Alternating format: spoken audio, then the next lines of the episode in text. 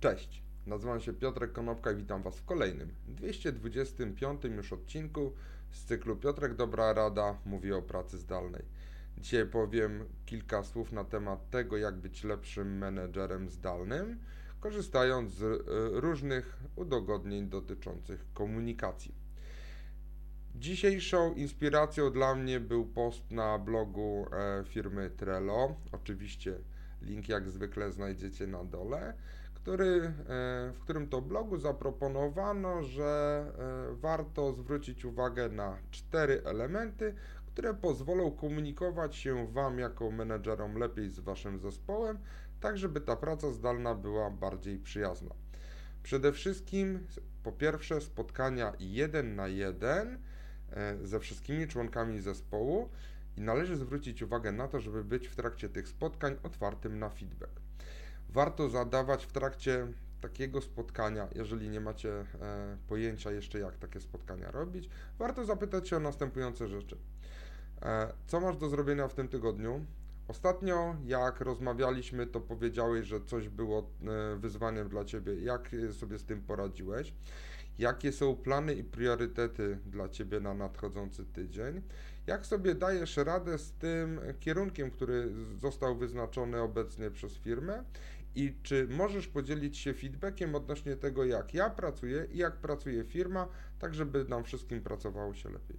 Czyli spotkania jeden na jeden. Ja uważam, że te spotkania powinny się odbywać nawet codziennie ze wszystkimi pracownikami. Nawet po 2-3 minuty zadajcie te 5 pytań i to pozwoli Wam lepiej zarządzać Waszym zespołem. Po drugie, warto y, stworzyć takie przewodniki, manuale czy guideliny dotyczące tego, jak należy się komunikować. Kiedy używać Slacka, w jakich y, sytuacjach powinna być wykonana y, rozmowa telefoniczna, kiedy można ją zastąpić mailem, a kiedy należy zwołać ad hocowe spotkanie, na przykład na Zoomie? Warto wdrożyć na przykład takie oczywiście narzędzie, to jesteśmy na blogu Trello, to warto wdrożyć Trello do tego, żeby śledzić jak przebiegają prace nad poszczególnymi projektami. I wtedy, jeżeli projekt potrzebuje jakiejś wymiany pomysłów, wymiany idei, to warto e, zaplanować spotkanie. Być może to spotkanie warto uzupełnić mailem z podsumowaniem, e, ale pamiętajcie o tym, żeby wysyłać te maile tylko wtedy, kiedy pracownicy pracują. Nie wysyłajcie tych maili po godzinach pracy, bo pracownicy czują się wtedy w obowiązku zareagować. Po trzecie, starajcie się nie przesadzić z mikrozarządzaniem. Mark Victus jest to e, szef jednego z zespołów w firmie Toggle. Mówi tak daj ludziom cele i pozwól, żeby się sami e, ogarnęli z tym, jak e, zrealizować te cele poprzez mniejsze kroki.